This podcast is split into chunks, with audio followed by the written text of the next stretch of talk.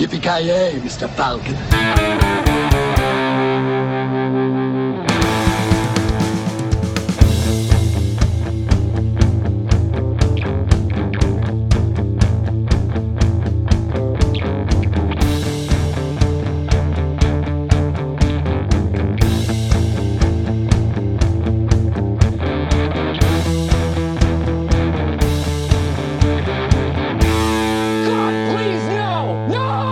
Hjärtligt välkomna till detta avsnitt av Creative Meltdown Podcast, The Cage Edition. Nicolas Cage. Det blir Vampires Kiss, hela slanten. Eh, Jag heter Joakim Avoya. Vi, eh, jag har med mig, eller jag, jag har med mig, vi har... Ja, de som är här är Mr jo, Joakim Granström har vi i ena ringhörnan i alla fall. In the- Aloha. Aloha! ja, hur, hur står frisyren till? Alltså den är jävligt kort måste jag erkänna. Det är livets hårda skola alltså när man håller på att bli flint. Vad fan, Cage skulle vara bes- besviken alltså. Det skulle han definitivt. En man med det hårsvallet skulle ju bara ta en blick på mig och kolla och liksom gråta i själen ungefär. Ja, nej. Du får bättring till nästa gång. Jag lovar, jag lovar. Lone and Wig av Cage, han har ju några stycken verkar det som. Alltså jag, jag tror ju mer att eh, Travoltas eh, implantat är min stil alltså. Ja, han implantat. Det var ny nyheter för mig. Men eh, i andra hörnan har vi Kent, vad, vad har du att säga om Cage frisyr? Ja, jag sitter och drömmer om Cameron Poe i Con Air. Ja just det, just det, det är fan ståtligt lejon, såhär lejonman typ, main. Med superhögt hårfäste. Alltså det är fantastisk frilla tycker jag. Ja, den är fan magisk. Fast det är han ju i all- Sen vad heter den här Season of the Witch eller vad det är när han är, typ ska försöka vara en badass eh, krigare eller någonting. Där är också magisk frisyr. Fy fan. Ja. Magisk, magisk her- herre i alla fall. Ja, ja ab- absolut, absolut. Men som sagt, idag eh, Vampires Kiss. Eh, film från 1988 tror jag. Som vi ska prata om. Eh, vi blev tipsade av det. Vad, vad var det Kent? Vi hade fått tipsat av någon, någon läsare, eller flera kanske till och med. Hur var det? Lyssnare? Ja, Eller ja, lyssnare, läsare, whatever. jag läser vet jag fan. Läser. Men, eh, Läser våran det är Facebook-sida. väl en... Ja, Instagram eller så. Facebook eller vars det nu var. The New Age Literature. Ja, men det, Mhm. ja, nej men by popular demand. Det är ju fler, flertalet eh, lyssnare som har tipsat om just den här. En, en film som jag inte har sett men eh, som sägs vara den cageaste Cage, Nicolas Cage-filmen någonsin. Och eh, nu när jag har sett den kan jag väl inte annat än hålla med.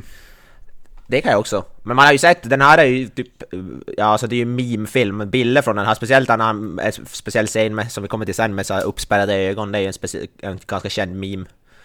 Så man, så man har ju sett delar av den här filmen utan att man riktigt har haft koll på det kanske.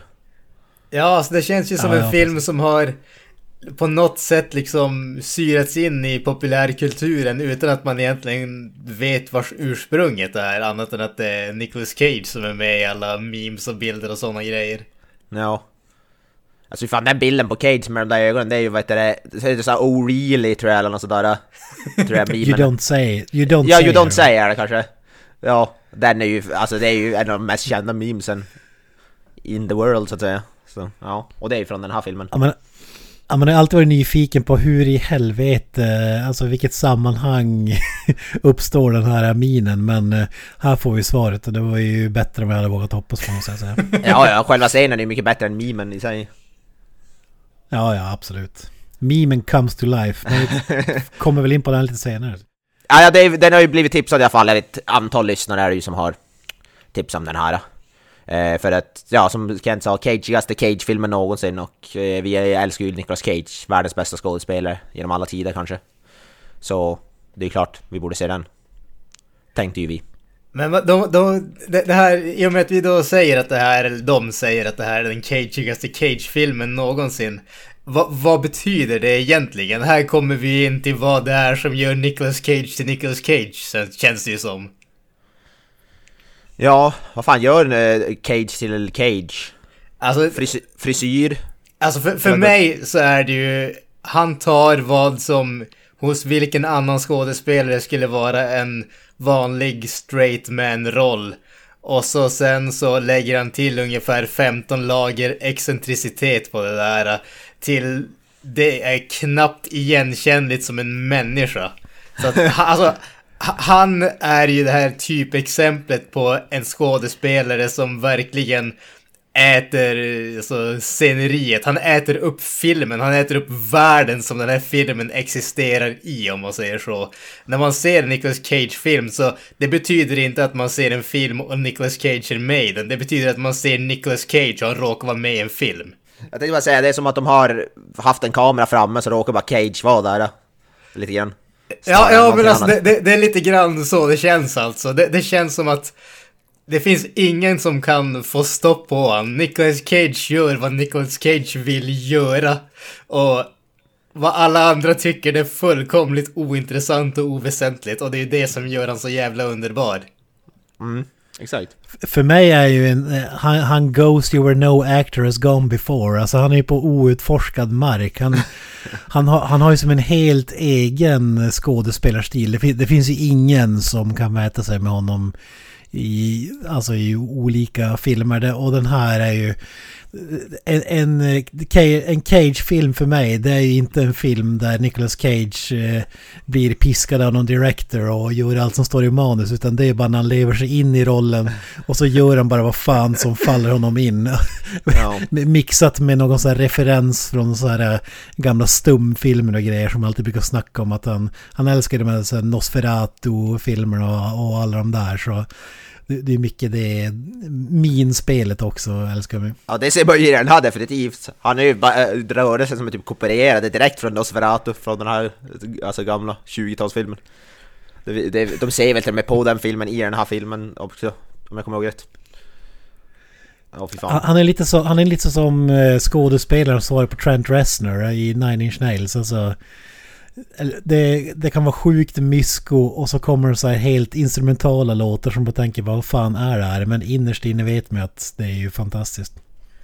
Ja men alltså det, för, för mig känns det lite grann som att när man skalar bort alla såna här lager av excentricitet som sagt. Då, då ha, det finns ändå en, en kärna av genialitet där inne. Det är ju det som är grejen. Alltså, det, det är absolut, det han gör är jävligt out there väldigt ofta. Och jag kan förstå att folk inte tycker om det, för han tar verkligen över alla filmer som han är med i. Men samtidigt så, som du säger Kent, han är ute på den här outforskade marken. Han, han gör det ingen annan skulle våga göra. Om det beror på att det är så han är som person, eller om det är så han är som skådespelare, eller om det är, eh, låt oss säga, kemisk inspiration. Jag vågar inte svara på den saken, men det finns ingen annan än Nick Cage som kan göra det Nick Cage gör. Så enkelt är det. Och folk, folk eh, tycker jag, sådana här filmsnobbar, de, de anser ju typ att det är dåligt skådespeleri. Men jag tycker fan inte det. Och, och det är ju för att just att, just för att han liksom drar en ny gräns. Alltså, alla skådespelare följer liksom en manual 1, 2, 3 och han, ut, han hoppar från 1 till 2073 upp till 100 003 tillbaks till 3. Eh, Och, lite så liksom. Ny, nyskapande skulle jag fan eh, vilja säga. Alltså jag försöker jag tänka så här, har han Cage gjort någon sån mer sån lågmäld roll? Men jag tror fan inte jag har sett han i någonting. Den är i alla fall inte i minst en scen drar upp det till 11. Ja, Alltså det, det, Ja, han han har ju gjort filmer där han är mer lågmäld, men det brukar ju alltid vara någon scen där han släpper lös lite extra. Jag tycker att när Nicolas Cage är lågmäld så är han ändå överspelat jämfört med vad heter det, andra skådespelare. Hans lågmäldhet är fortfarande överspel i andra mått mätt. Alltså om jag säger så här, han har gjort så jävla många filmer så det, självklart finns det filmer där han är eh, jävligt lågmäld. Utan att bara rabbla upp några sådana filmer. Men jag skulle ändå vilja säga The Rock eh, som han är med i är, är ju ett sånt exempel. Jag tror inte att han har någon sån här utflippat... Eh, Han har väl nå- någon scen där de har liksom smugit in i fängelset där. Då- har han väl någon scen där han freakar ut lite grann, men det beror väl, det finns ju en storyförklaring till det, så det känns väl inte direkt som att det är han som bara släpper lös från ingenstans heller. Nej. Ja. The Nej, Rock, nej, där, har vi, där har vi en genuin så här kvalitetsfilm, The Rock också. Där är, det är ju ingen movie schlock. På samma sätt Nej, som, som, nej, kanske, som kanske den här filmen är som vi kommer in på. Men det är det man gillar med Nicolas Cage. Han gör ju allt. Alltså alla genrer, alla typer av roller. Han, han gör ju bara vad som Alltså det, faller honom in. det är det som är så roligt för jag såg en video nyligen, hur det är att vara Nicolas Cage agent och så var det typ bara, alltså han bara I'll take it, typ såhär att du ska spela en katt, I'll take it innan han ens hinner säga färdigt och agenten blir bara mer och mer irriterad. och så sen i slutet så kom han upp med någon sån här skitkonstig roll bara för att säga och bara Nicholas, I just made that up. Han bara well, let's get together and make that movie happen anyways. typ. Så, alltså till och med de som inte ens finns så gör han, alltså han gör typ, han säger aldrig nej till någonting. Det känns ju lite så. Han gör ju typ 25 filmer i veckan eller någonting. Ja, under tiden vi spelar in det här så har vi förmodligen hunnit spela in en, ytterligare en film liksom. Ja, ja, ja. Innan avsnittet Hans, slut. ja precis, hans nya film kommer, vi kommer lansera den i samband med det här avsnittet. Han kommer skicka den till, till oss. Ja. Men vad ska vi, innan vi går in lite ytterligare, kommer dra lite fakta om Nicolas Cage. Ja just det, ja. Eh, född 1964, Long Beach, California. Självklart. Självklart. Eh, hans farbror är ju Francis Ford Coppola förstås. Och Mm. eh, kusin är ju Sofia Coppola. Och även Jason Schwartzman. Eh, skådespelare. Eh, men det som är mest intressant är ju egentligen de personer han var gifta med. Patricia Arquette. Vet ju alla vem det är. Ja. Ja. Eh, skådespelare. Men Lisa Marie Presley sticker ut så in i helvete. Elvis dotter. Det är ju magiskt. Fan alltså han har en koppling till Elvis, alltså det blir ju inte mer magiskt än så. Alltså jag tycker att ju äldre, det, Elvis har ju sagt också det hans största idol i livet har alltid varit. Och det är folk som har anklagat honom liksom för att, ja okej det var bara tillsammans med henne på grund av det. han, han förnekar ju det, men ju äldre han blir desto mer ser han ut som Elvis. Alltså i, inte i filmer utan i verkliga livet. Han har de här solbrillorna, han har de här ringarna, han har det här håret, han har det här sättet han pratar på, blir lite Elvis. Eh, Ja, det är fantastiskt. Och nu eh, tror jag att han fortfarande är gift med Alice Kim. Eh, som var en servitris på en sushi-restaurang. det gillar mig ändå att han, ja, okej. han går från superkändisförhållande till en eh, Ja. servitris på en sushi-restaurang. Det måste Ja. man ändå gilla. Det är respekt. The Cage. Han kanske bara gillar sushi. Som fan. Ja, det känns ju jävligt cage alltså. Bara kliva in på sushi-restaurang och Bara, Dang! världens eh, mest kända skådis raggar upp en servitris. Det är Ja. fantastiskt. You're coming with me! Säger han och de drar ut honom. Fy fan. Men jag, jag har gjort en lista här innan vi går vidare. Ja. Eh, och där, listan är topp 10 saker som Nicolas Cage har köpt för sin förmögenhet. Okej. Okej. Ja. Han har ju, ja i alla fall i fjol var han ju, hans net worth var ju att han har spelat in i runda slängar 150 miljoner dollar. Okej. Men han har, ju, han har ju blåst alla de där pengarna. Ja, såklart. Eh, och nu är han ju, han är ju lite så här skattehärva var ju att han ska betala hur många miljoner som helst och så vidare. Så att nu är han i princip bankrutt och det är därför han måste göra x antal filmer för att hålla sig flytande. Eh, jag kom- så- så- Som exempel bara 2004 ägde han i runda slängar 30 motorcyklar och 50 bilar. Jävlar. Eh, nio av dem var Rolls Royce liksom så man fattar att det går lite cash. Ja, jo. Det kommer jag lugnt säga. Men vi kör igång listan. Plats nummer 10. A Pyramid Tombstone. I New Orleans. Han köpt en eh, alltså pyramidgrav. Alltså hur stor är den där då, pyramiden då? Uh, nine foot tall. Så den är ju inte jättestor ja. men ändå. Han ska begrava sig själv som typ såhär Tutankhamon eller någonting när han dör. Han ska bli sådär embalmed. Kommer begravas med alla sina ägodelar. Kommer Ja. vara de där 30 motorcyklarna och 50 Så- bilarna. Sen om fem miljoner år kommer några nya människor hitta The Cage begraven. Vad vad fan är det här? Ja, han måste ju mumifieras. men Det håller man ju tummarna för. Ja, ja. När, han, när det är dags. Med hans frisyr intakt. Plats nummer 9. En krokodil. Okänt pris. Åh jävlar. Fan vad nice. Det måste man ju ha. Mike Tyson hade ju vita tigrar. Ja. Cage han kör krokodil. Ja. Plats nummer åtta, en haj. Okänt pris. Vem vill inte ha det? Eh, och en bläckfisk för 150 000 dollar. Jag vet inte, fan. Dyr jävla bläckfisk. Plats nummer sju. Första numret, första serietidningen med Superman, Stålmannen alltså. Action Comics number one. Uff. Eh, Den här är också en jävla story. Han köpte för 150 000 dollar. Sen blev den här tidningen stulen år 2000. Eh, I hans hem. 11 år senare hittar man den jävla tidningen i ett övergivet förråd. Han fick tillbaka den och sålde skiten för 2,16 miljoner dollar. Världsrekord. Ja jävlar, ja, där gjorde han ju en vinst där. Ja, minst sagt. Åh fy fan. Stort av tjuven att eh, förvara den i pristine condition i 11 år och så skjuter den i värde liksom. Ja, Jävlar. Ja.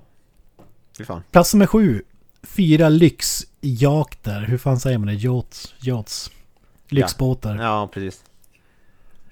Eh, den största av dem kostade 20 miljoner dollar och hade 12 sovrum. Det måste man ju ha. Ja, ja. Han är aldrig där förmodligen. Fan, jag är alltid och spelar in film. Fyra sådana alltså. Det är, det är fan starkt. Ja. ja alltså jag, vet, jag, vet, jag, jag, jag måste ju säga att jag tycker fyra stycken är ganska smått med tanke på 50 bilar. Ja, sant, sant. Det känns som att Ja, han, är känns som att han höll igen där, alltså. Ja. Det är dålig båt-ratio känner jag. Mm. Båt till bil Det måste ratio. ju. Ja. Äh, men det blir, det blir väl sen när han har spelat in Vampires Kiss 2. Ja, just det. ja, den kommer ju dra in avatar-summor. Plats nummer två. Två stycken öar på Bahamas för 7 miljoner dollar. Fan, jag skulle ju nästan ha råd med en ö själv. Ja. Nej, 70 mille det är fan gratis. Ja. Men jag tänker i Bahamas.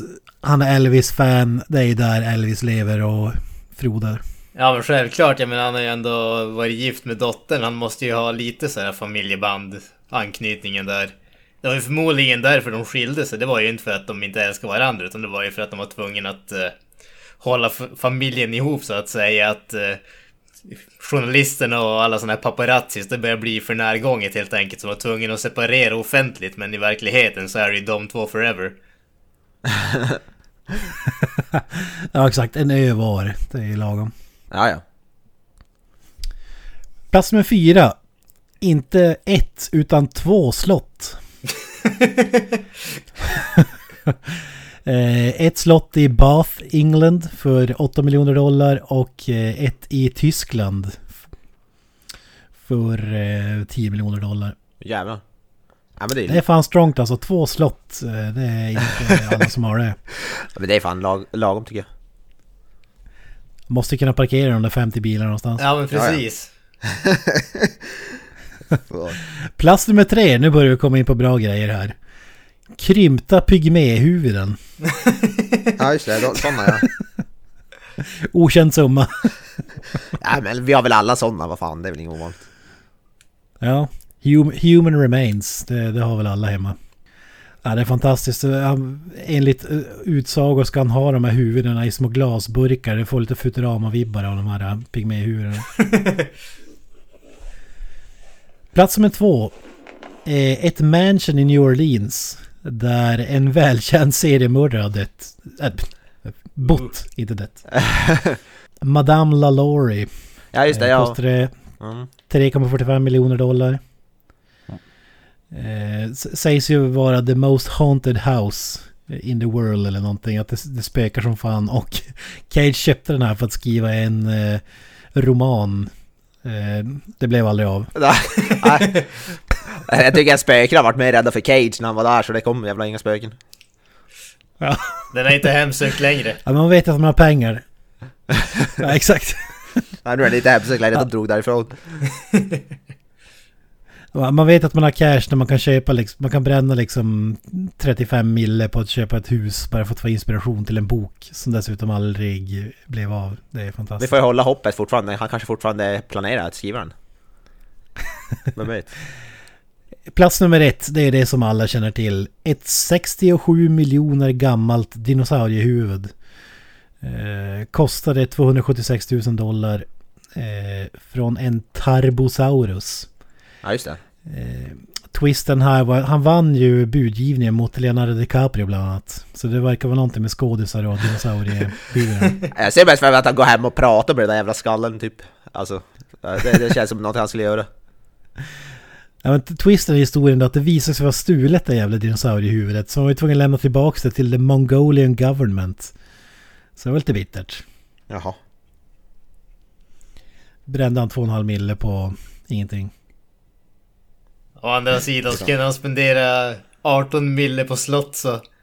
Han bryr sig nog inte så mycket om den förlusten. Nej, han, han eh, visade sig att han ägde ju även andra dinosaurieskelett sedan tidigare. Så han kanske inte grinar men han gick miste om det där i alla fall. Ja, nej, det är ju jävligt. Det var det. Topp 10 saker som Niklas Cage har köpt. Fy fan. Ja. ja han är man med smak, måste jag ändå säga. Ja, alltså när man tänker på Wise Investments, då är det ju definitivt alla de där sakerna man tänker på. Absolut. Likdelar, gravar, eh, serietidningar och eh, dinosaurieskelett. Och mördarhus. Och jag tänker han är motsatsen till Gene Simmons, han bara spenderar medan Gene Simmons försöker tjäna så mycket som möjligt. Ja men alltså, jag, jag, tror, jag tror att eh, skillnaden här det är ju att Alltså Gene Simmons han gör det ju för sig själv, det är ju det som är grejen. Ha, han är ju bara girighet. Nick Cage han spenderar ju en jäkla massa pengar men han gör det ju för alla andra. Alltså alla vet ju att liksom de här slotten kommer ju inte att försvinna eller någonting sånt. Det kommer bara liksom vara ett sånt här uh, kulturskatt. Han, han ser till att bevara historien så att säga. Även om han blir rikare på det i slutändan så gör han ju det för alla andra. Gene Simmons gör det ju bara för, för sig själv. Man hade velat se avsnittet av Arga Snickarna åker hem till Nick Cage alltså. Den här elledningen är för fan 2000 år gammal. det ligger ett jävla lik i garderoben, det här är inte upp till standard. ah, Okej, okay, det var bara dinosaurieskelett. Vi går vidare. Avloppet är bara ett hål rakt ut. Ja. Fan. Vad är de här väggarna isolerade med? det är inte fogat här för fan. Det är något jävla fuskbygge. Fan. Ja. Jesus du och din fru måste kommunicera. Ni måste... Han är ju känslo... Eh, familjerådgivare också. Ja, just det. Så innan vi snackar om filmen så kan, kan man göra en Cage-checklist för... Eh, som man sen kan bocka av när jag snackat om Vampires Kiss.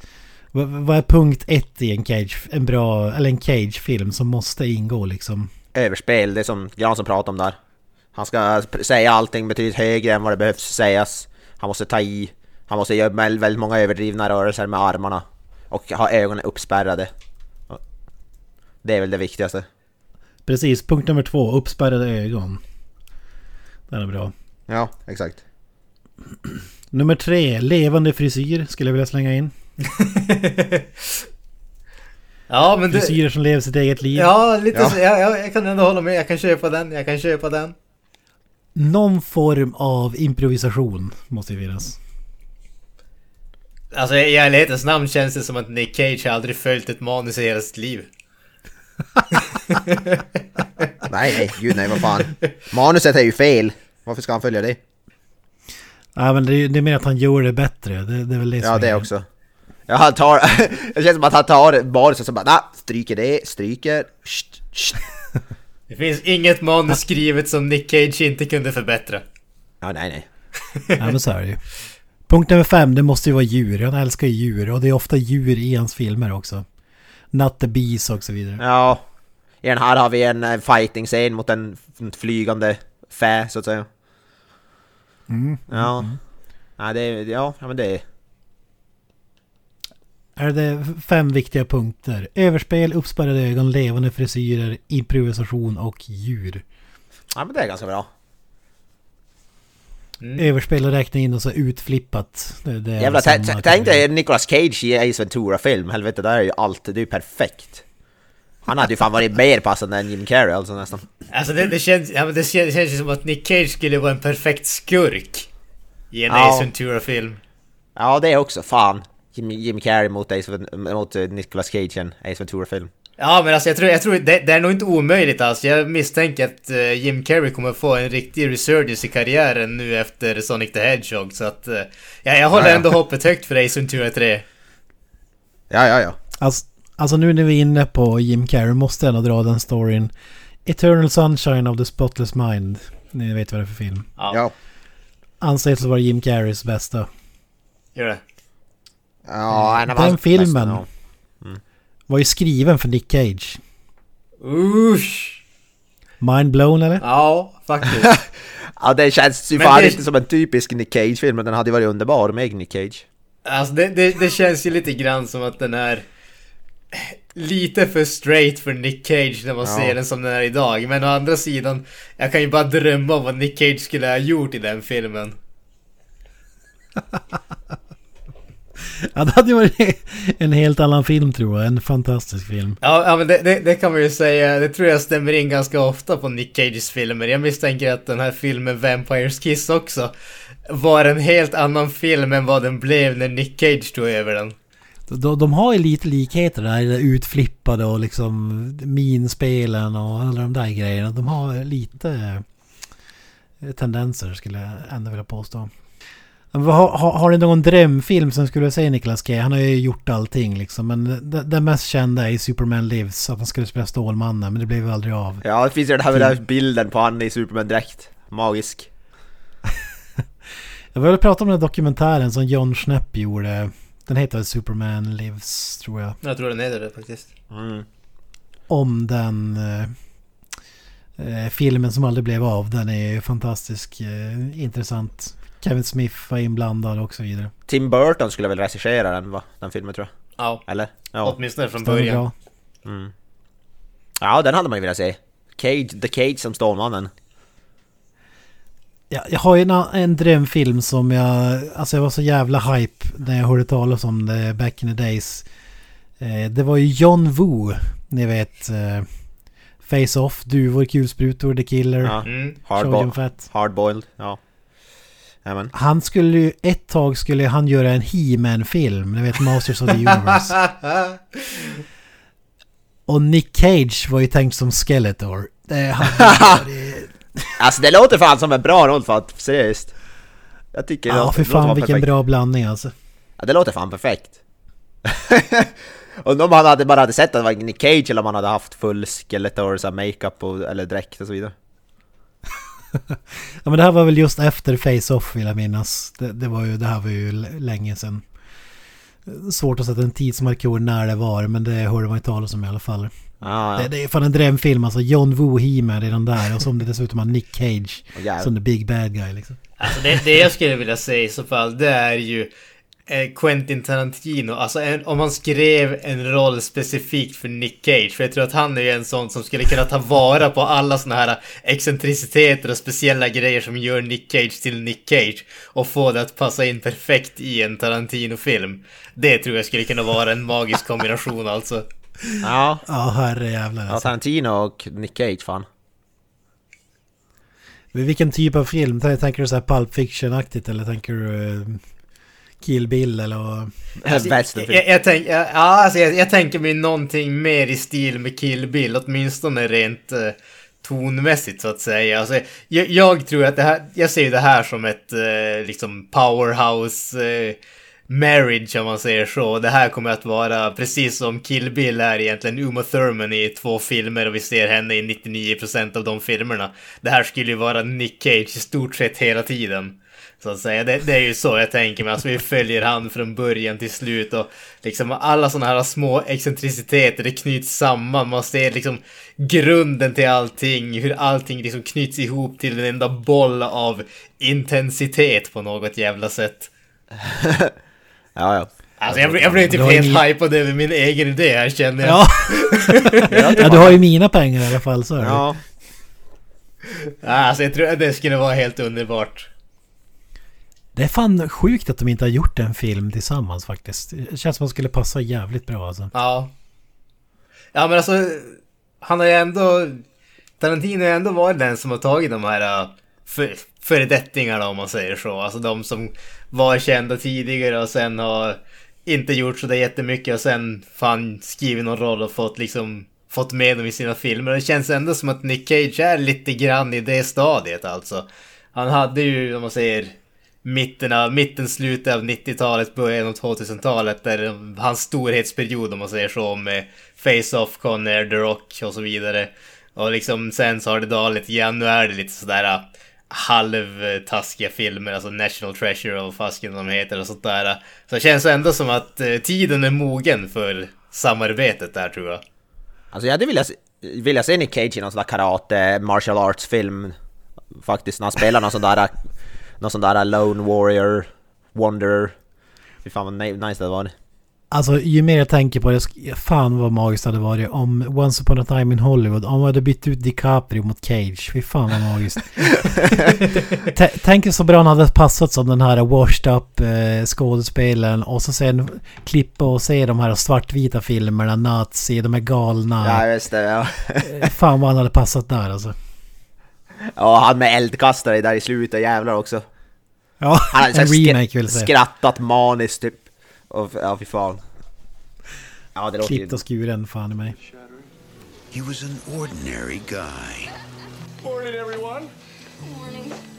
Looking for an extraordinary love. I'm Peter Liv. Rachel. I brought this girl up to my place the other night.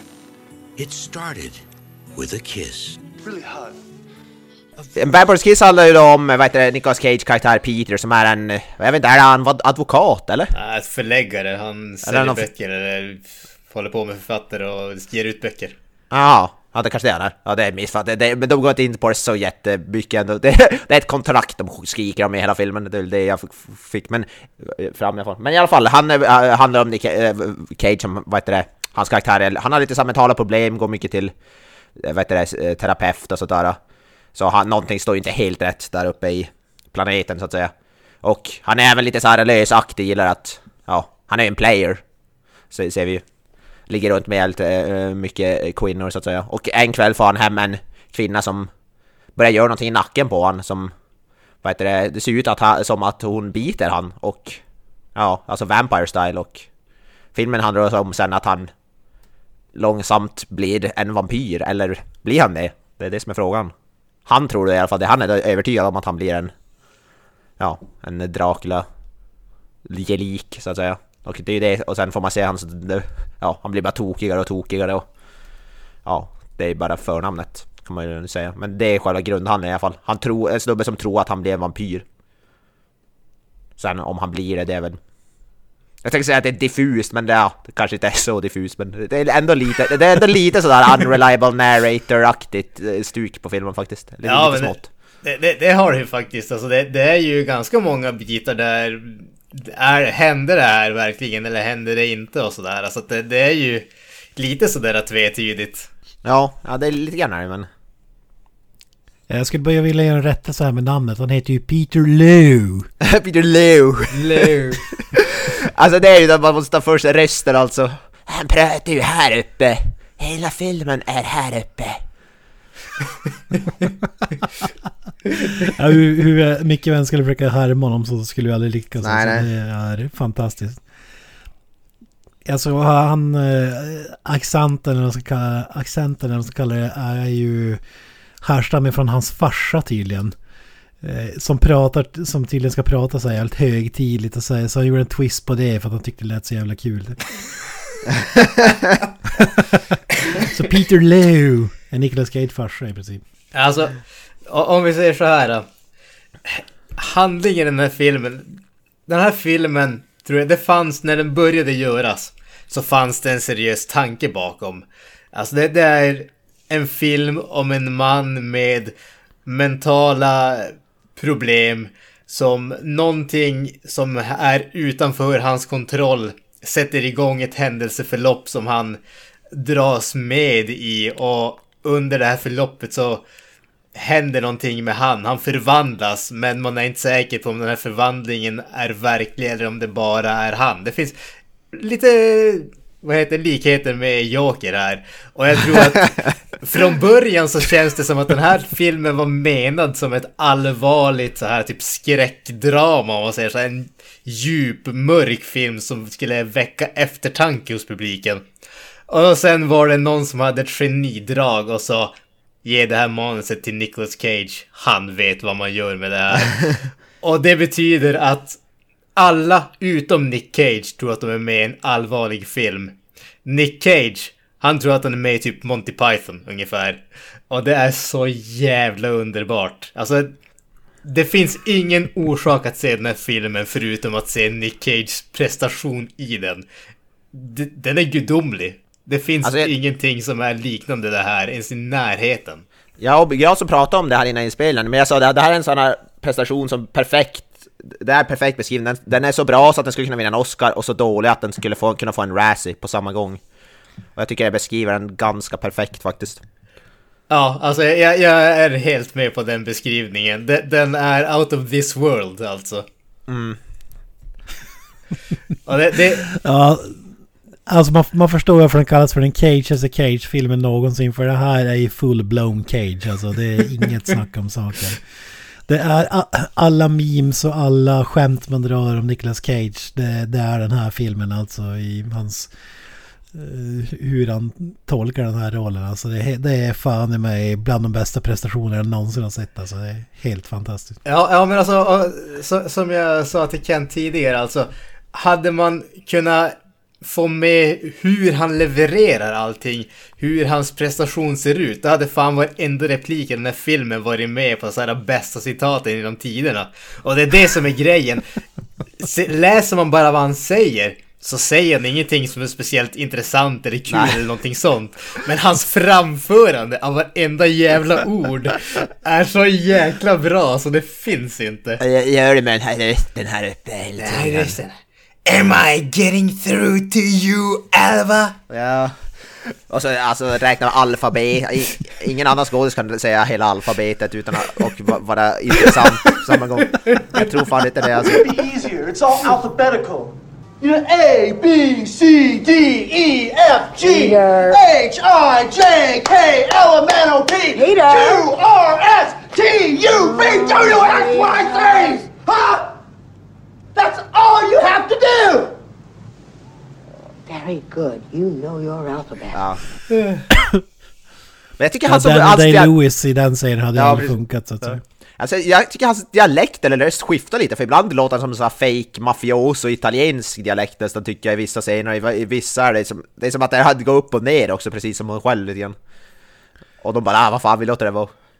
Det är väl som med hela hans kropp och hans frisyr. Han, han genomgår någon slags här metamorfos, alltså förvandling Ja. till den här vampyren. Och då är han, det är både personlighetsförändringar, frisyren lever sitt... Alltså, hans skådespel med frisyren, jag tycker det är helt fantastiskt. Alltså.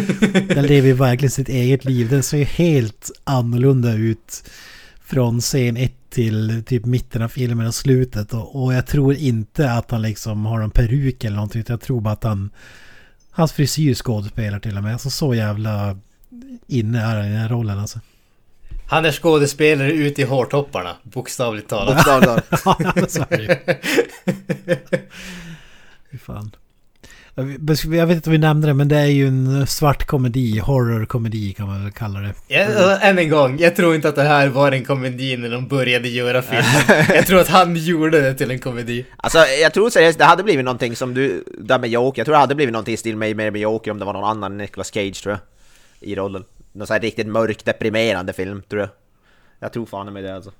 Ja, men han, hans motskådespelare Alva har ju en fantastisk eh, skådespelarkarriär bakom sig. Maria Conchita Alonso, med i både Running Man och Predator 2. Hon är den hårdkokta Ja. damen med kulsprutan där. Ja just det. Ja, det var två magiska filmer, det är Running Man och... Running Man, så, så det är en sån här film som vi måste lägga på vår lista också. För framtiden. Definitivt. Ja, ja. One-liners personifierat. Ja. oh ja. En Vampires Kiss, var- vart fan ska man börja med den här filmen? Alltså det finns ju så jävla många eh, scener man eh, kan snacka om alltså, som är så helt fantastiska. Alltså början, den är lite seg startad. Det är väl kanske typ, vad kan man det vara, en halvtimme, 20 minuter in eller något när det börjar som hända grejer lite. Den är lite seg i början men... Ja men det, det, den viktiga biten som du sa tidigare var ja, det kan vi ju säga är ju just det här eh, kontraktet. Alltså han då, då han har en författare som vill ha en kopia på kontraktet och framea upp det på väggen ungefär. Men kontraktet är gammalt och typ försvunnet. Så han har den här uh, sekreteraren, Alva, som han ger det här jobbet. Och när det går, låt oss säga, inte så bra för henne så tappar han ju det här, han tappar ju tålamodet med henne och blir mer och mer intensivt eh, abusive så att säga mot henne. Försöker tvinga, sig, till, försöker tvinga henne till att arbeta mer och mer, skriker på henne och sådär. Och det, det blir om man ser upptakten till, vad ska man säga, den mänskliga biten av spelet i den här filmen. Du har ju Nick Cages inre spel som är den här metamorfosen, alltså förvandlingen till vampyren. Och sen genom henne får du ju då, om man säger, se, se hur han ser ut från världen runt om han, där han är eh, knasig. Om vi säger Ja. det snällt, Ja. så att säga. Ja, han ber, ber hon titta det där jävla kontraktet, vad är det? The Heatherton Contract. Det är en av de stora grejerna i filmen. Fan, de får aldrig tag i det där jävla kontraktet alltså. Ja, man kan säga han är som ingen riktig chef men han, han har ju så här, han är supernarcissist, tar sig själv på alldeles för stort allvar. Och så de här uppgifterna som inte är viktiga alls blir ju superuppförstorade till de viktigaste någonsin.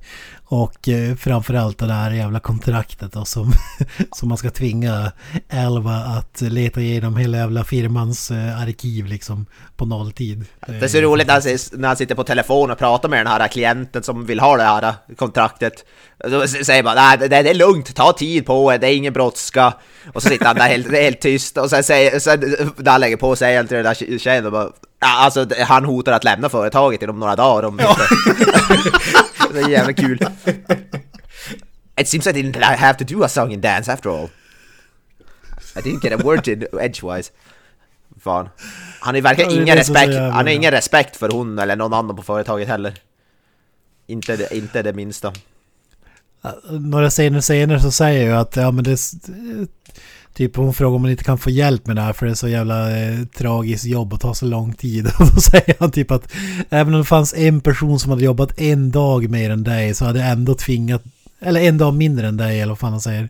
Ja. Så hade jag ändå tvingat dig att göra det för jag vill att du ska eh, Lida ja, typ, ha ja. det här Ja. taskiga jobbet. Du, säger, du, är, du är längst ner på totempålen, du betyder ingenting, du är helt värdelös.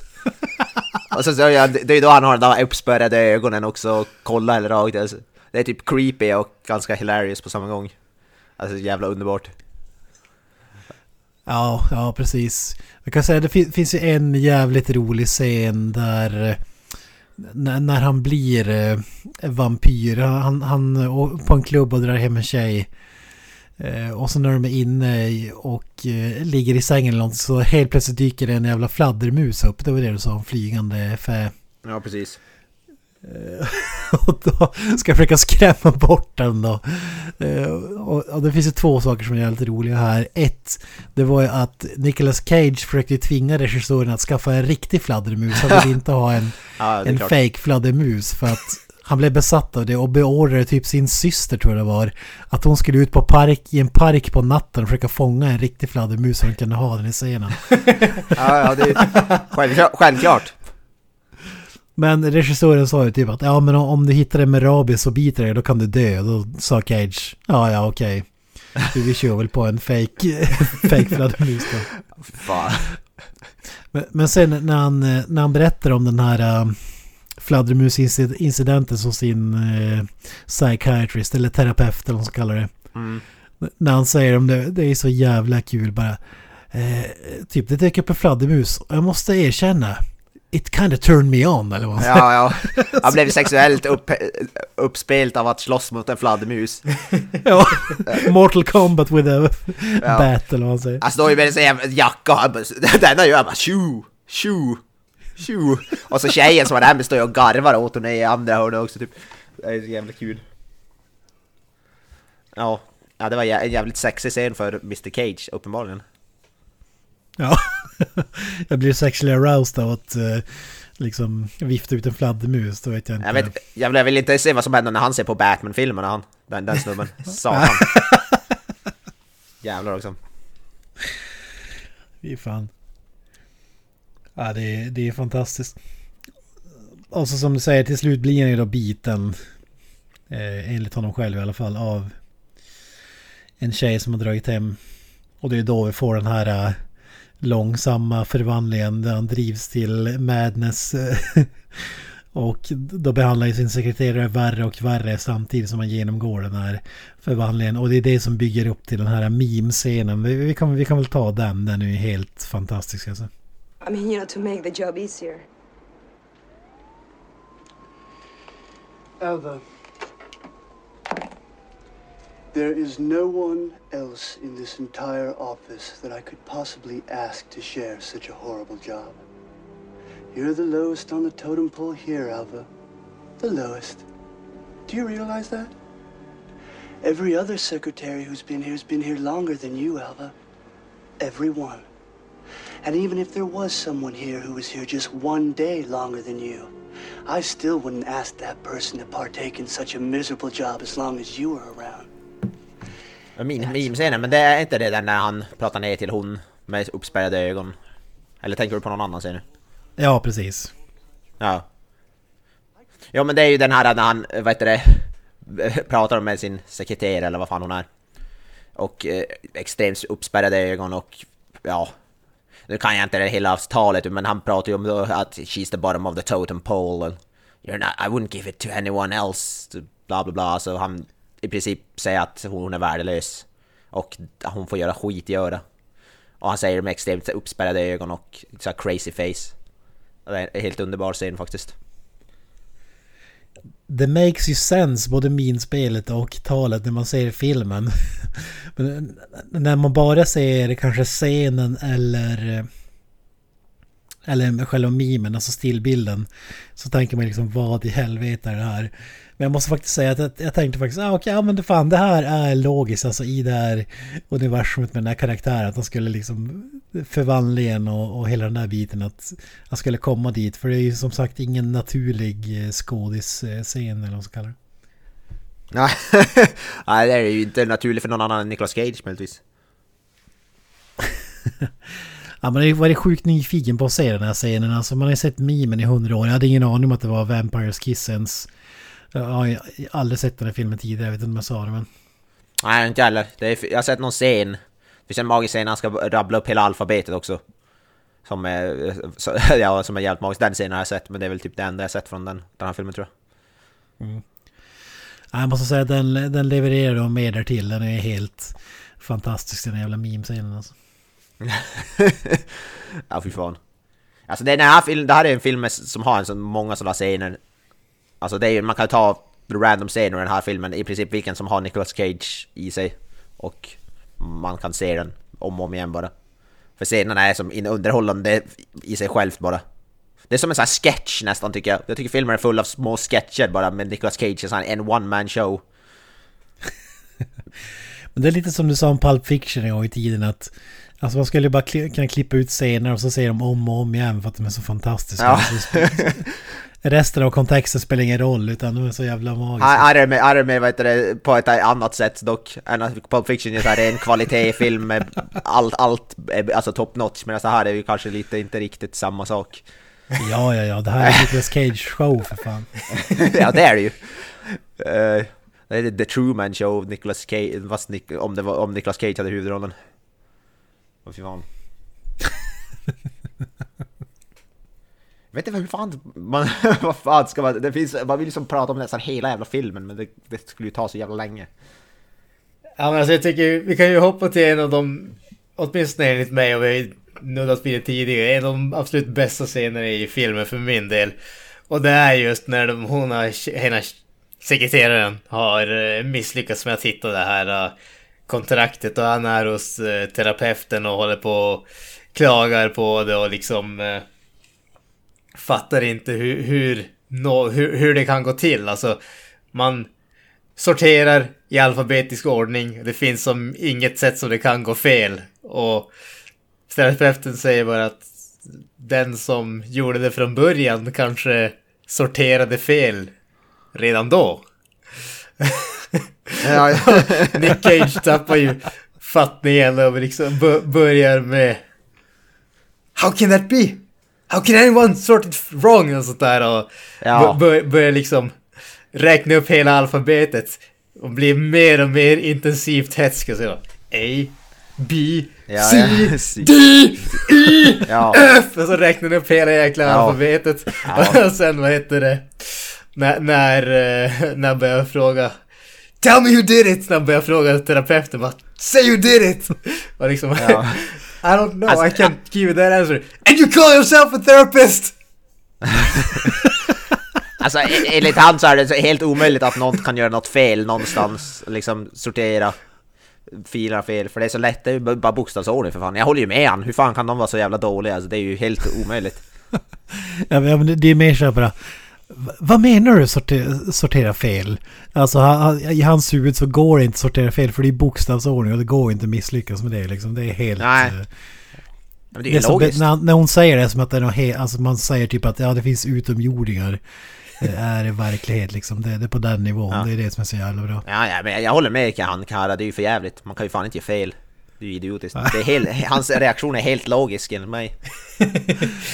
Ja, det, det absolut bästa i serien tycker jag är när han säger det där som du, som- du sa. Att hon, hon, han bara, vem är det, vem är det? Vet du om det är? Nej, hur fan ska jag kunna veta det? And you call yourself a psychiatrist. Alltså fy fan vad jag dog då alltså. Så jävla bra line alltså. Alltså, det, det, det är ju som sagt, för mig så var det ju höjdpunkten i filmen. Det, det, det var liksom det största gapskrattet. Ja, hon ska veta allt för att hon är en psychiatrist. Vad som är svårt att prata om den här filmen för att man gör ju inte rättvisa någonstans. Alltså man måste ju ha... Alltså man måste ju se framför sig när han typ ställer sig upp och skriker åt henne och jag tycker fan man ser när han håller på att rabbla alfabetet han blir ju mer och mer arg och skriker. När han är halvvägs då är fan eh, psychiatrisk skådespelaren rädd på riktigt fan i mig. Det, det glömde jag säga också i den meme-scenen han spärrar upp ögonen. Då sa jag, jag lyssnade på så här commentary track. Då sa ju Nicolas Cage att ja men fan, jag försökte spärra upp ögonen så jävla mycket jag kunde så jag, så jag could creep her out. Alltså i verkligheten. Och eh, jag, jag kan fan tänka mig att den här scenen är, är likadan. Alltså att, Alltså det är definitivt känslan man får från den i alla fall. Och så hans minspel, det är så jävla kul. Han är som en... När jag såg filmen tänkte jag så här, alltså det här, han rör sig som... Eh, eh, typ så här Backstreet Boys eller Britney Spears gör i musikvideos. Alltså han har såna här poser som... eh, Helt plötsligt bara ställer sig med armarna i kors och tittar uppåt och typ Ja, så. ja. Det är under där. Och absolut sista gesten han gör, då lyfter han undan sin kavaj och trycker fram höfterna liksom mot henne.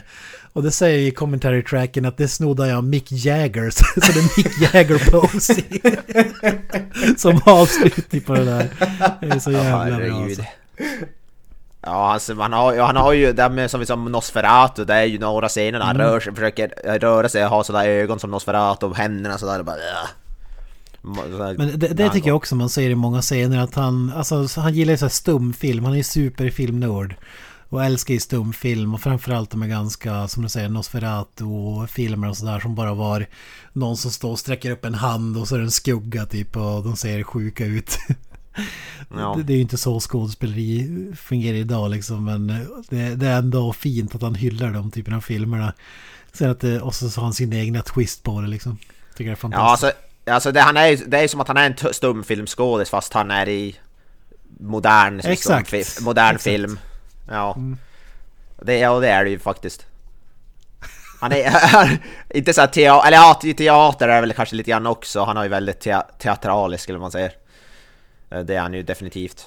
Alltså han, han har någonting helt eget som inte går Ja. att kategor- kategorisera som teater eller eh, Ah, vanlig skådespeleri. Alltså han har en helt egen uppfattning. My- Mynta en eget ord för alltså ca- cage, cageism eller någonting, jag vet inte. Mm. Det är det som gör honom till Cage. Alltså, Ja. Ja, så är det definitivt. Kicken King. Det, det, jag kan rekommendera, det finns på YouTube så här highlights från det här Directors Commentary. Det spelas in flera år efter, jag vet inte när, men långt efter att filmen kom ut. Jag tippar typ 2000-talet eller någonting. Eh, där, de, där han och regissören ser tillbaka och så Nicolas Cage har ju sån jävla självdistans alltså. Det kan man också säga, det här är en av Nicolas Cage favoritfilmer. Ja, det förvånar mig Som han själv är med i. Han säger att Face Off och Vampires Kiss eh, är hans två favoritfilmer som han har gjort. Och han säger ju också att han tog eh, skådespeleri-grejerna, de här utflippade grejerna från Vampires Kiss in i Face-Off. Och när han säger det så klickar det i mitt huvud för att det är så jävla sant alltså. Castor Troy. Face-Off är den filmen med John Travolta med, av John Woo för den som inte kommer ihåg det. När de byter ansikte och kropp med varandra. Ja, ja. Byter hjärna kanske mer eh, lättare och spelar varandra. En snut och en skurk. Och där är det ju full-blown cage i vissa scener alltså. Det makes sense. ja, ja, gud förbannat. Men då sitter Nick Cage och garvar och så berättar ju regissören bland annat att typ det här med dialekten till exempel. Att folk från studion, eller det här var ju en independent film, hade bara två miljoner i budget. Och så när de såg på, ja så det ser ju bra filmat och sådär, men hur fan pratar Cage? Det låter skitkonstigt. så, så, så han hade bara gar, garvat åt det liksom och då berättade det att det var hans farsa som var inspirationen för eh, sättet han pratade på liksom. Ja, Och så jag älskar typ- sättet han pratar på oss. Och så Nicolas Cage sitter typ "Eh, What the hell did I... Alltså vad fan tänkte jag här? Jag har ingen aning vad som hände här. Utan han bara... och det är ju det är så. Han, det är ju så jävla mycket improvisationer i filmen. Han bara kör och gör sin egen tolkning av Det känns, grejerna. det känns som att han är som inte är riktigt där i the moment, han är liksom bara gör och sen säger han det efteråt och kommer som inte ihåg det själv liksom lite grann. Bara vad i helvete? Jag ska inte ha för långa avstickare här men jag måste bara nämna det här att innan filmen spelades in så dök Nicolas Cage upp med en pencil mustache. Alla John Waters Och- alltså tänker jag. Exakt. Hans eh, polare och eh, idoler väl. Ja, ja. Hur, hur ska man beskriva en pencil mustache? Det är typ när man rakat... Ett tunt rakt jäkla streck precis ovanför överläppen. ja. Fy fan, vad magiskt det hade varit alltså. Men uh, han, han hade ju övertalat honom att raka bort den då. Typ, ja men det är för karaktärens skull. När du har på dig löständer kommer det så konstigt ut. Eller något åt det hållet. Och då köpte han det. Ja, löständerna förtjänar ju också, det måste vi ta upp. Alltså, det, jag, alltså jag, när jag stoppade in dem först, jag, det är väl bland det mesta jag garvar i, i hela den här filmen. Alltså, eh, ja, alldeles för stor. Det, man ser, det ser verkligen inte ut som att, alltså han ser inte ut som en riktig vampyr så att det ser naturligt ut tänderna för... Eller i och för sig, i filmen går han ju och köper ett par plast fake-tänder Ja, så... den scenen när han köper tänderna är så jävla bra den också. Han går till någon sån här, typ Chinatown eller något, till någon sån där liten så här curio, curio shop eller vad det heter. Så han ju på någon sån här först svindyra tänder i så här glasfiber eller vad fan det är. Typ 200 spänn. Ja. Och så kollar i plånboken. Ah, Okej, jag har typ 3 dollar på fickan. så, Ja, har du något billigare? Bara, ja, vi har de här i plast. Typ fem, fem, fem spänn. Okej, jag jävla tar dem då. Buttericks-tänderna. Alltså så jävla bra. Jag älskar när han sätter sig på den där parkbänken också och liksom Ja. rycker upp på sig och stoppar in tänderna i hemlighet. Alltså det är som att en drug addict som just får sin fix. Men bara, Ja, men- Och så, Ja, slutar väl, och så slutar det väl med att han kryper iväg på alla fyra eller vad fan. Ja. Han är ju så övertygad om att han är en vampyr men på något sätt får han ju inte tänder så det måste, han måste ju improvisera. Fan, men du, du kan dra den Granström där när- folk inte, när de ska bevisa för folk att han är vampyr. Den scenen är så fantastisk den också. Alltså jag tänker när han eh, kommer ut från eh, nattklubben eller? Nattklubben. Ja, Ja, jag ska, kan ju börja med att han, eh, det är en av de stora grejerna som händer. Alltså han, han, efter att han har skaffat de här tänderna så sticker han ju till en eh, nattklubb, puttar sig in och här får vi ju den här eh, imitationen eller hyllningen till Nosferatu. Han går in på den här nattklubben och Ja, liksom gör den där stela eh, gången som Nosferatu har. Kollar runt lite grann och så sen så hittar han en eh, ensam tjej som sitter vid ett bord, går fram till henne och börjar liksom eh, blir lite närgången, blir lite för närgången, får en eh, bitch slap, vilket leder till att han eh, tar av sig tänderna och biter henne med sina vanliga tänder. Såklart, eftersom eh, de bara var gjorda av plast. Ja, ja. Och så sen så, vad heter det, sticker han därifrån och han ser ju Rachel, eller vad hon heter. kvinnan som han träffade tidigare och som gjorde han till en vampyr. Hon verkar inte känna igen honom riktigt men eh, han blir väldigt eh, intens han är väldigt intensivt förälskad i henne och när hon inte vill ha någonting med henne att göra så säger, säger skriker han liksom Look at her teeth! Everybody, she's a vampire! Och liksom Ja, I'm a vampire och sen så blir han utkastad ur klubben Tar på sig de här tänderna igen och så börjar han skrika till folket som står där ute I'm a vampire, I can prove it! Hold the cross in front of me och sådana där Ja, grejer. så håller han upp fingrarna, Ja. tvärtom, håller upp fingrarna. Han blir skraj så jävligt. Ja, fy Det är så jävla bra, han, har ju blod för hela käften också. Men de som står i den nattklubbskön utanför, de hånar honom bara typ Oh you better, du skyndar dig hem nu ja, innan solen går upp och typ där. Men alltså, det har man ju heller inte, men hon den här äh, sekreteraren ska få en pistol för att hon är rädd för honom. Men det är ju bara blanks i den. Alltså såhär lösskott eller man ska säga. Ja. Och så vet du, går ju han på och jagar ju hon genom byggnaden där det är någon källare och så... Vad heter det?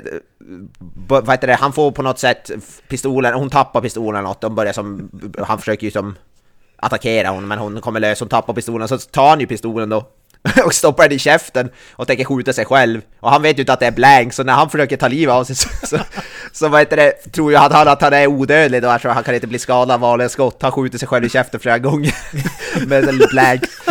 Och så tror han ju då att, ja fan kolla jag kan inte dö av vanliga skott. Ja det tyckte jag var så jävla briljant. Ja det är så jävla bra alltså. Just att de skulle ha, att, att han ens har en pistol för att chefen är så hetsig. Alltså det, det är kanske inte första.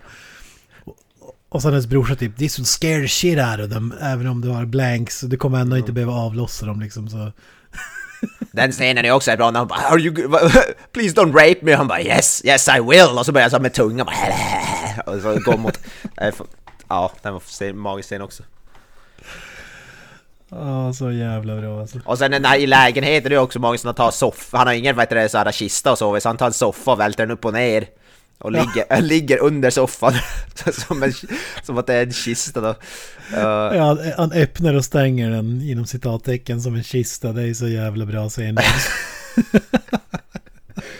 Ja, fan. Och solljus blir det ju alltid direkt när det är solljus någonstans så- så gör han ju så med händerna Precis som så här, typ Dracula eller någonting. Även fast ingenting händer såklart.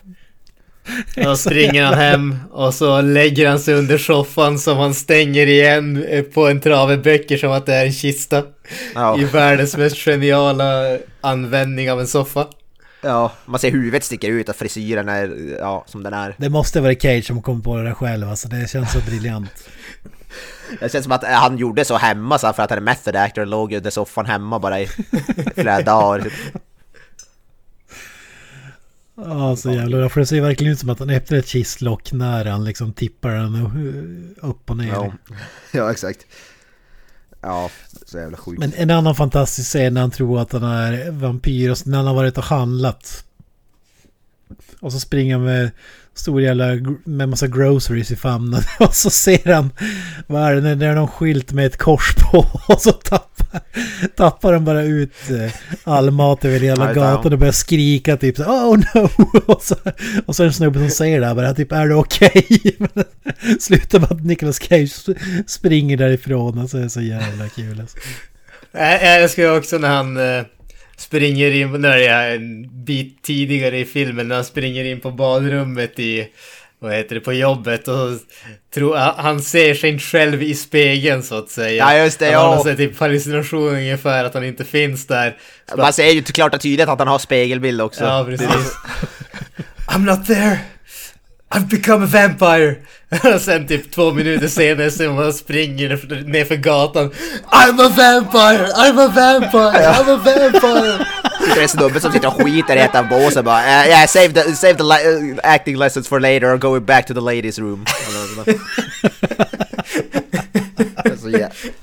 Det ser man ju klart tydligt, han har ju en spegelbild klart tydligt. Han är ju bara lite, ja... Som han är då.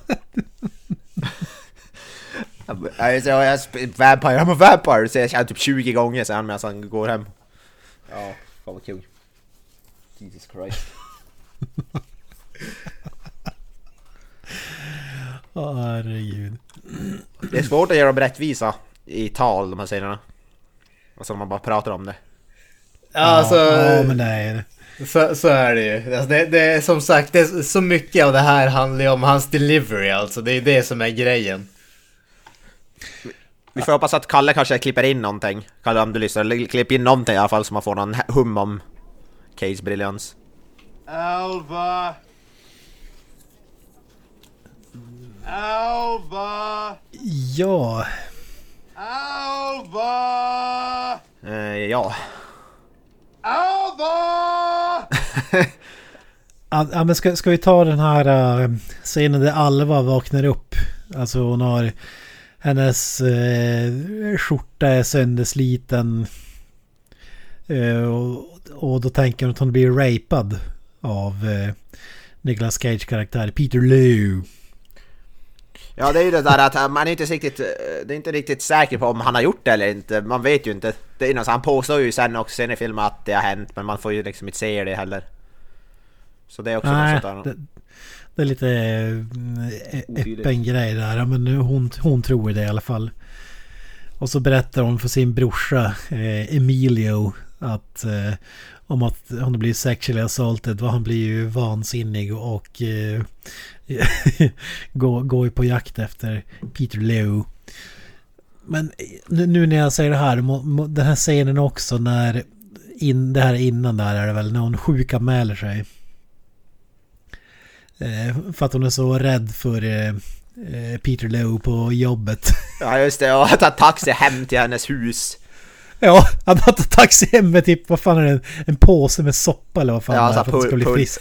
Ja precis, pulver, så här pul- soppa som du gör på pulver. Ja, Knorr, det, eller blåband. ja typ knorr bara, ja precis. Varma koppen. Ja, precis. Och då är det typ så här, ja men jag ber om ursäkt, jag, jag misstänkte att det var på grund av mig som du sjukanmälde dig och typ ja ja men så var det, jag var inte sjuk på riktigt. så han övertalar henne typ att återvända till jobbet och så när de sitter i taxin då börjar det här jävla förnedrandet igen. Då, Ja, alltså, då vänder det länge. igen. Ja. ja, det tar inte så länge och då börjar jag med det där Heatherton contract och så vidare och så vidare. Ja. Ja. ja det, det var en sjukt rolig scen. Att han först liksom ber om förlåtelse och sen när han har fått henne i taxin på väg till jobbet då jävlar börjar han köra igång igen med skälla ut henne och pissa på henne liksom. Ja, fy fan. Han är väldigt, väldigt så här misogynist. Kvinnohatare. Kvinnoförnedrande, fy fan.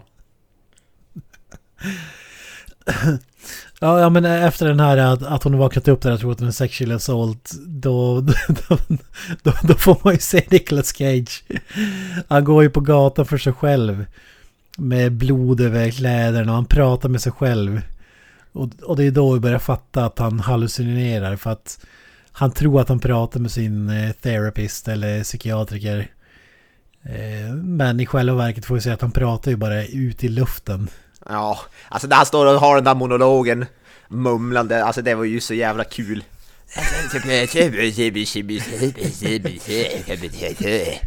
Så ungefär, man hör knappt vad, hade man inte haft subtitles hade man typ inte förstått vad han sa. Nej. Och så frisyr, alltså han ser typ ut som... Han ser typ ut som Heath Ledgers Joker, en billig Heath Ledger Joker med blod över sig eller något sånt där. Det är som helt bisarrt. Ja, runt hela käften och sådär. Jag tänkte, han går omkring med någon jävla påle också, han håller ju någon träpåle. Som han går omkring Ja, jag tänkte säga han hittar en jävla lastpall där som ligger och skräpar och då sparkar den sönder en bit av den och tar den som en, en lång planka liksom. Det blir som en lång trä, träpåle då givetvis med vampyrkoppling. Men det, den här serien var så jävla bra på Directors Commentary. Då sa ju de att det går ju två personer förbi eh, som... Och så säger regissören att ja, men de, här var, de här två personerna var riktiga uteliggare och vi, vi filmade scenen så långt bort ifrån så de hade ingen aning om att det här var en filminspelning eller något. De hade bara knallat in. Och de är ju livrädda när, när Nicolas Cage sparkar loss den jävla träbiten och börjar med blod runt hela käften och typ står och skriker för sig själv liksom. Så, Ja, det så de blir mig, livrädda alltså. och springer därifrån. Ja, så jävla Jesus. kul att det är riktiga personer liksom. Underbart, underbart. Ja. Ja. Alltså det, det jag måste säga där det är ju när han har tagit den där pålen och så börjar han, fortsätter han gå omkring och så kommer han till, eh, till kyrkan där. eh, När det är typ någon gudstjänst eller vad det är och han ser liksom korset där ute och allting och han, han börjar bara Christ! The torture of the damned! ja, torture of the damned. Ja, de springer ut i gatan och skriker också. Det är så jävla bra. Stanna bilar liksom. The torture of the damned. Alltså fy fan. Ja. Ja, det, ja, det är verkligen så att hela filmen är quotable alltså. Ja, så är det ju. Ja, men vi, vi, vi har ju som kommit till slutet egentligen. Men det känns ju som att vi måste ju ta upp den här sista scenen med eh, psykoterapeuten eller psykiatrin eller vad det är. Sån där. Ja, alltså, när, när, när han har gått med det här jäkla träpålen och han ställer sig i stort sett bara framför en vägg och börjar samtala mot väggen och sen får vi klippt mot scener där han säger samma saker men då i full... Alltså, när han pratar med väggen så är han ju helt sluskig, pratar knappt så man förstår vad han säger. Men när vi sen ser vad han ser så att säga så är han ju välklädd, finkammad, pratar väldigt tydligt med sin eh, terapeut. Och eh, hon, han liksom säger att ja, han söker efter kärleken, han har insett det och Ja, allt sånt där. Han vill liksom gå vidare med eh, livet och hon introducerar han till en annan patient som skulle vara helt perfekt för han. Och sen när han har fått allt det här och så kommer han bara Oh I forgot. I did rape someone a couple of days ago. Och, och så terapeuten typ ah vad fan har inte gjort det? Typ i princip det hon säger. Yeah, eller no något sånt där. problem. Ja. Well, the I also fact murdered is, someone. I murdered someone last night. I turned into a vampire. It's kind of a long story. Men hon bara ah, murders happen every day in New York City, it's fine. Oj, oj, oj. Ja, det älskar man också att hon hookar upp honom liksom. Här, här har du en brud som skulle passa dig perfekt alltså. Det är fantastiskt. Det, det är ju, ja vad ska man säga? Det, det, vi får ju den här, sen fortsätter, nu är vi precis alldeles i slutet av filmen här. Han går hem, fortsätter prata och han blir väldigt hetsk mot den här personen som inte finns men som hans eh, imaginära eh, psykiater då introducerade honom eh, till när han liksom står och börjar argumentera mot henne ensam i hans eh, vardagsrum slash numera sovrum och där får vi den här fantastiska Cage-prestationen med den här hetska intensiva rösten, alla de här underbara kroppsrörelserna och poserna som han gör där.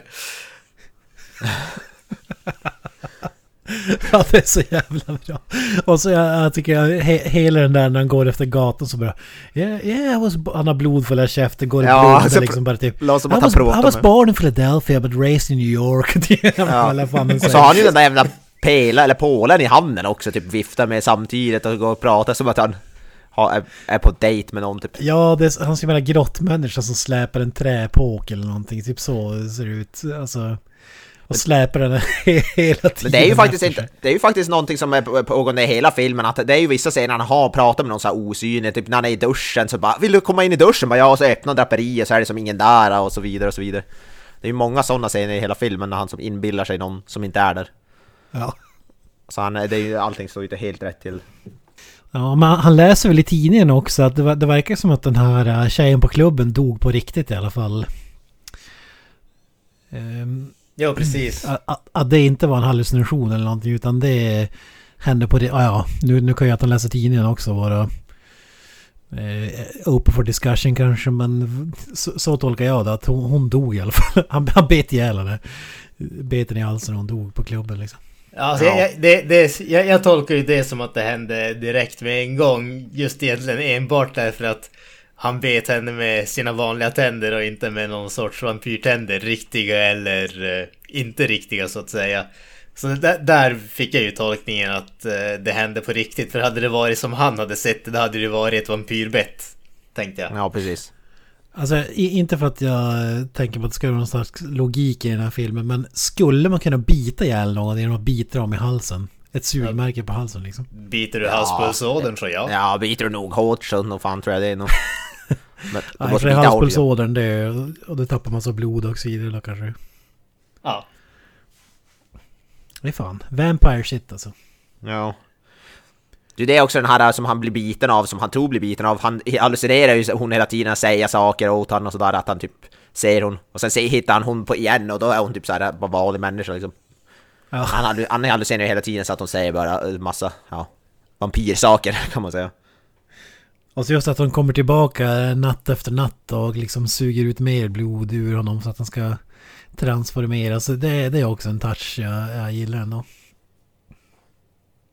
Ja, ja precis. Vilket, vilket också har att göra med det här äh, när vi bygger upp till meme- meme-scenen där att han blir mer och mer förstörd för varje natt för att då kommer den här tjejen och biter honom igen liksom. Eh, ja men absolut sista scenen, han får i alla fall en vampyrdöd. För att han har släppt upp den här träpålen. Eh, Alvas brorsa är som sagt på jakt efter honom. Hon tror att han har... Eller han tror att, hon, att Cage har rapat eh, hans syster då. Vilket kanske är lite overreaction när han mördar honom genom att trycka den jävla träpålen genom eh, hjärtat på honom. Och Ja, ja, precis. Ja, det är ju henne, ja precis, den här kusinen från den här bilverkstaden. så öppnar den där jävla luck, vad heter det, luckan som han, eller soffan och så tar, vad heter det, där på, han tar ju pålen och stoppar den på sig själv då. Och så sen, ja, trycker den här snubben trycker ner den i han så att han... Ja just det, dör. Cage sätter det mot sitt eget hjärta. Så Ja. Ja. Ja, och han bara trycker till. Ja, det är också en bra touch att han öppnar kistlocket, a.k.a. soffan. Det är fantastiskt. Alltså Cage bara ligger där, helt... ja, ja fy fan, ser ut som en jävla pundare typ. Ja, man dör och det, och det sista han ser är den här Rachel då, tjejen som turnar om till Vampire eller något en sista gång. Vad fan är det hon säger till honom? Kommer inte ihåg ärligt talat, måste jag erkänna. Ja, spelar roll. Hon, hon säger några ord, jag kommer inte ihåg exakt vad hon säger men... Nej. Men det är ju någonting att eh, i hans huvud är ju hon typ den här eh, övervampyren som har skapat han och hon är ju någon sån här eh, supervampyr typ. Och hon har säger ju någonting, då ser man ju in på hennes ansikte och, då har hon ju tänder och sådär. Det är ju lite grann sådär att jag tycker i vissa, i vissa där i nattklubben ser det ut som att hon som efterhand springer därifrån, att hon typ vänder sig till killarna med och typ så flinar typ som att det, att det är lite så här otydligt om hon verkligen är vampyr eller inte. Ändå, jag tycker inte det är ändå helt hundra. Om det är meningen att man ska vara lite så här lite osäker på vad som är riktigt och inte. Jag vet inte om det är jag som helt missförstår det, men det var så jag tolkade det lite grann i alla fall. Nej men nu, nu är det ju så alltså... Att det ska vara öppet för, för tolkning. Det, det, har, det har väl Cage och regissören sagt också att det är lite... Alltså men man ska ju säga det att alltså filmen har ju ändå eh, teman och sånt där. Just det här att han på jakt efter riktiga kärleken. Han har den här womanizer-grejen som bara ligger runt med en massa brudar men hittar aldrig någon true love, eller man ska säga. Och, det är det han är fäst vid. Det är väl vad den här vampyrkvinnan representerar. Han, han säger till henne att I love you och så vidare till eh, Mm, vampyren. Att han tror att han har träffat eh, love of his life ungefär. Ja, Han blir ju i stort sett besatt av henne. Ja, precis. Ja, ja, precis, precis. Fan. Ja, det var ju Vampires Kiss. Vad, vad säger ni? Det, det var ju väl en eh, Cage, Chester Cage-film man någonsin sett, skulle jag vilja påstå. Det, det Alltså, skulle jag- jag säga stämmer väldigt bra. Ja, alltså jag skulle ge den 10 vad heter Cage-frisyrer av 10 möjliga. Absolut. 10 böljande Cage, vad heter det, mains, alltså lejon, man, man ska säga. Ja, ja det, det här är den ultimata Cage-filmen skulle jag säga. Oh ja. Jag tänkte säga på bot, gott och ont, men det finns ju inget ont, det är ju bara gott. Ja, jag, jag vet inte. mm, Den, den är inte critically acclaimed kanske, men den blev väl det på senare år. Alltså när den kom ut var den ingen hit. Men det är också en sån där kultfilm som har fått ett stort följe i efterhand. Och jag tror att den har hyfsad rating eh, nu ändå. Ja, hade varit ju totalsågad när den kom ut. Det var, jag var och kollade på så Wikipedia och sånt där. Och det, ja. Men nu, nej, det är roligt också för när du går på Wikipedia och läser på reviews och där, då står det ju så här Metacritic score och så står det som vad det alltså så står det en mening som, som ska sammanfatta typ vad, vad heter det, folk tycker om filmen eller något sånt där. Och i det här står det And the critical consensus says that I'm a vampire, I'm a vampire, I'm a vampire, står det bara då. Man ser ju att det är något automatiserat system som har gjort det bara för att ha tagit något sånt där citat. Det är så jävla kul. Bara jag säga om man går in på vad Wikipedia-sidan för Vampires Kiss så ser man det. Ja men alltså det, det som jag skulle säga om den här filmen är att jag kan inte ärligt säga att jag tycker att det är en bra film. Alltså som film så är det väl typ 5 av 10, 6 av 10 någonstans där omkring. Men ser man det som Nicolas Cage prestation så är det ju 10 av 10 och ser man det som bara underhållning så är det ju typ 12 av 10. Det är ju fantastiskt underhållande men det är ju enbart på grund av Nicolas Cage. Allting annat i filmen är ju typ ointressant ärligt talat. Ja, ja, ja. Det är bra att Nicolas Cage är med i 99% av filmen, det är så... Ja. ja så det är ju typ- Jag skulle säga att det hade kunnat vara 5 av 10 om du hade haft någon annan skådespelare. Men jag, jag tycker fan att den är eh, med, betydligt bättre än så, så som filmen då. Alltså det, om man inte hade tagit, eh, så, som du sa i början, det var ju garanterat ta- tanken att vara någonting mer seriöst än vad det blev. Alltså, jag, jag älskar ju trailern till den här filmen är ju upplagt som att det är en romantisk komedi eller någonting jävligt konstigt. Ja. Alltså. Jag har inte sett trailern men ja. Man vet, jag vet, man vet inte riktigt vad man ska förvänta sig när man, innan man ser den här filmen. Om det är en komedi eller inte. Som, liksom. man har så ingen aning riktigt. Och jag har fortfarande ingen aning kan jag säga efter jag sett den.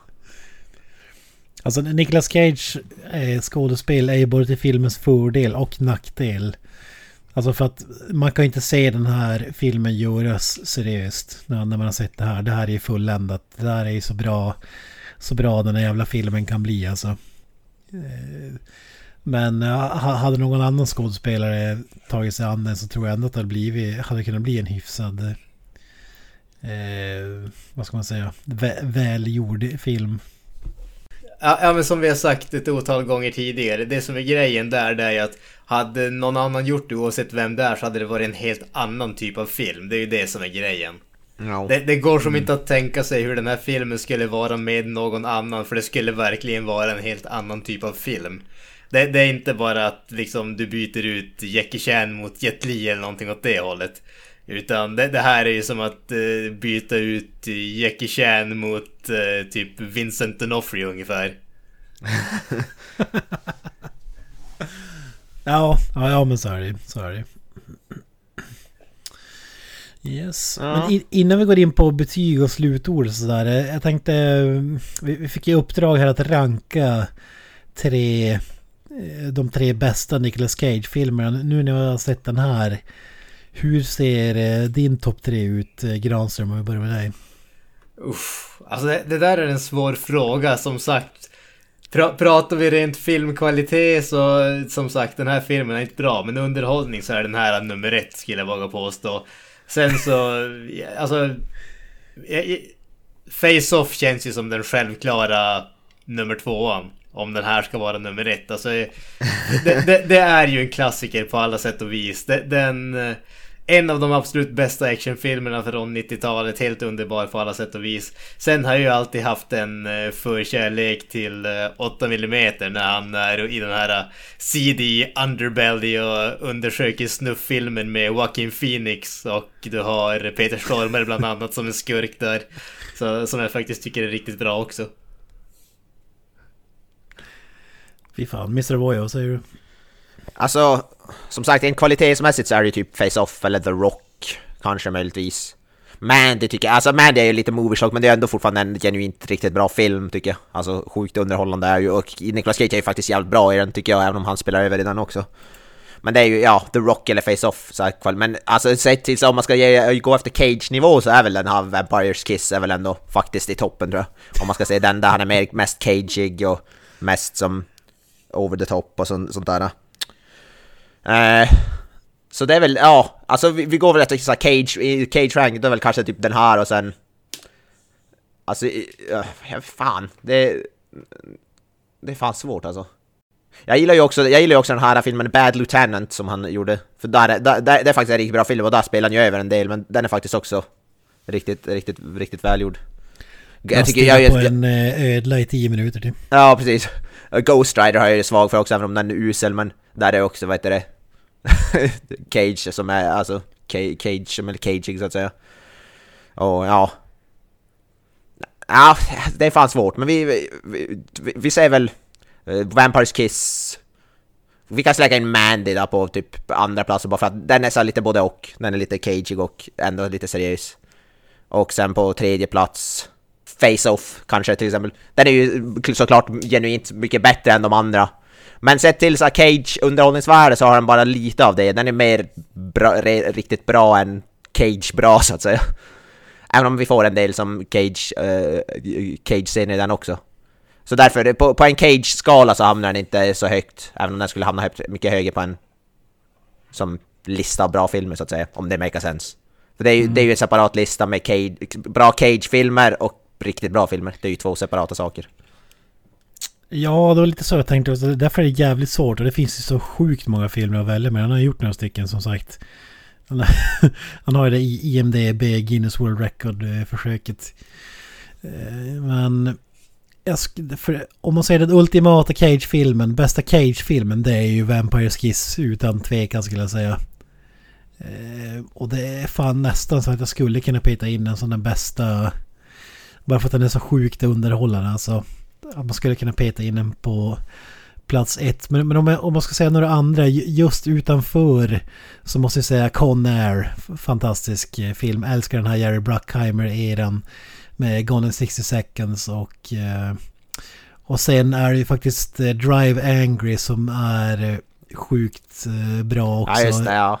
Där får vi full cage också till och från. Ja, jag, jag glömde bort Drive Angry. Ja, där är, där är ju magiskt också.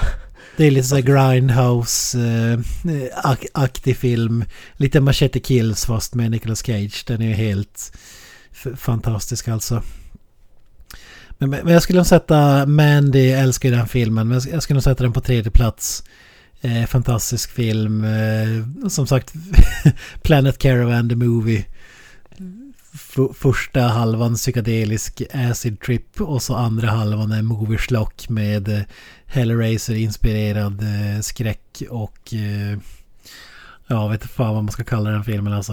Men underbar är den i alla fall. andra plats det måste ju vara Face-Off, John Woo. Eh, vad jag pratade om den. Och ja, alltså jag, jag vill sätta The Rock på första plats men den är ju så jävla bra. Men jag, må, jag måste sätta Vampires Kiss. Så The Rock går från 1 till plats 6 eller någonting istället. Logik. Alltså det är ju, ja, 10 av 10 sätter vi väl alla. Ja, ja. Alla tre. Ja, ja, 10 Cage-frisyrer och 10 Bästa möjliga. filmen som någonsin gjorts. ja, ja, ja. Utan tvekan. Ja men som sagt, fantastisk Cage-film. Inte så bra film sett rent kvalitetsmässigt men... Cage-film, som Cage-film 10 av 10. Eh, ja. Gillar man Nicolas Cage så får man inte med Nicolas Cage i den här filmen. The One Man Show med Nicolas Cage. så ja. Alltså, eh, solklart. Jag, jag vet fasiken inte hur man ska kunna sätta ett numerärt betyg på den här. Men Nej. jag skulle sammanfatta det så här. Det här är förmodligen den sämsta filmen som jag någonsin kommer ge min absolut högsta rekommendation till. Den här filmen måste ses. Så är det ja. bara. Som sagt, Razzie och Oscar Contender. Definitivt. Det skulle, det skulle kunna passa på båda galorna och ingen skulle bli förvånad. ja, det blir, jag skulle rekommendera den. Om man gillar Cage, alltså om man, om man inte har sett så många Cage-film, ja, i och för sig, man, man skulle nog vilja spara det bästa till sist. Man kanske inte ska börja med den här om man är nyfiken alltså, på Nicolas Cage. Det kan, det, alltså det kan vara lite intensivt att börja med den här också. Man kanske ska trappa upp sitt Cage lite, lite grann. Börja med typ såhär The Rock eller vad heter det? Eh, Face-Off. Börja med den här så kanske man får Cage Overload. Alltså det, det måste man ju säga. Det, jag var lite förvånad alltså när jag såg den här filmen att han gjorde den här prestationen så pass tidigt i karriären. Ja, det börjar, alltså, man börjar ju som fundera, är det för att senare skådespelare, senare regissörer börjar liksom bli bättre på att tygla hans impulser eller är det för att han blev försiktigare eller vad var det som gjorde att han eh, saktade ner så att säga? För den, den, här intensiviteten så att säga, den, den, jag tror inte vi har sett den i någon annan film sedan. Vi har sett blixtar av den, vi har sett den stundtals, men aldrig genom en hel film på det här sättet. Och jag menar, det här var ju ändå 30 plus år sedan. Ja, det är faktiskt bra. Det är som du säger, man tänker att den här borde ju vara i Nattebis eh, eh, tidslinjen någonstans. Ja. Alltså 2000-tal när det, han jobbar vad fan han vill. Men som du säger, den här... Ja, jag, vet inte fan alltså. Ja, fy fan. Check, checklistan förresten, du får icke förglömma. Vi, vi bockar ändå av de flesta som, som vi ska ge upp här för en... Ja, Överspel, ja, ja. punkt ett. Där har vi till eh, förbannelse. Ja, det har vi inom, inom typ 10 minuter kanske. Uppspärrade ögon, meme-scenen inte minst. Check. Yes, ja. definitivt. Eh, levande frisyr, check. Alltså, det lever definitivt. Det finns en borde, scen... Det borde ha, det borde ha sin egen acting credit. Det finns, det finns en scen, jag vet inte om det är meme-scenen, där frisyren liksom hänger med. Alltså, det är som att den är... Frisyren är helt, står rakt upp och så lutar den sig tillbaka och så faller den ner liksom. Alltså, alltså han skådespelar fan med med frisyren i den här filmen. Det är helt fantastiskt. Jag vet inte hur det går till men movie magic. Ja som sagt, den borde ha... Jag fattar inte varför hans frisyr inte har acting credit i, och i ja. eftertexterna. Best supporting actor liksom. Ja. Eh, fyra improvisation, det får vi ju till förbannelse i den här, i den här filmen. Det är må många scener som nog inte är enligt manus så att säga. Det finns ju en så jävla rolig scen när han går in på kontoret och bara hoppar upp på desken och börjar skrika på folk. Och, och då sa ju Nicolas Cage i kommentarspåret han bara What the hell did we do here? I think it was you. Alltså regissören talade, sa något till honom bara. Men hoppa upp på bordet eller byrån eller vad det är. Och började skrika åt folk. Bara, What is it? Fucking Spiderman or something? Jesus.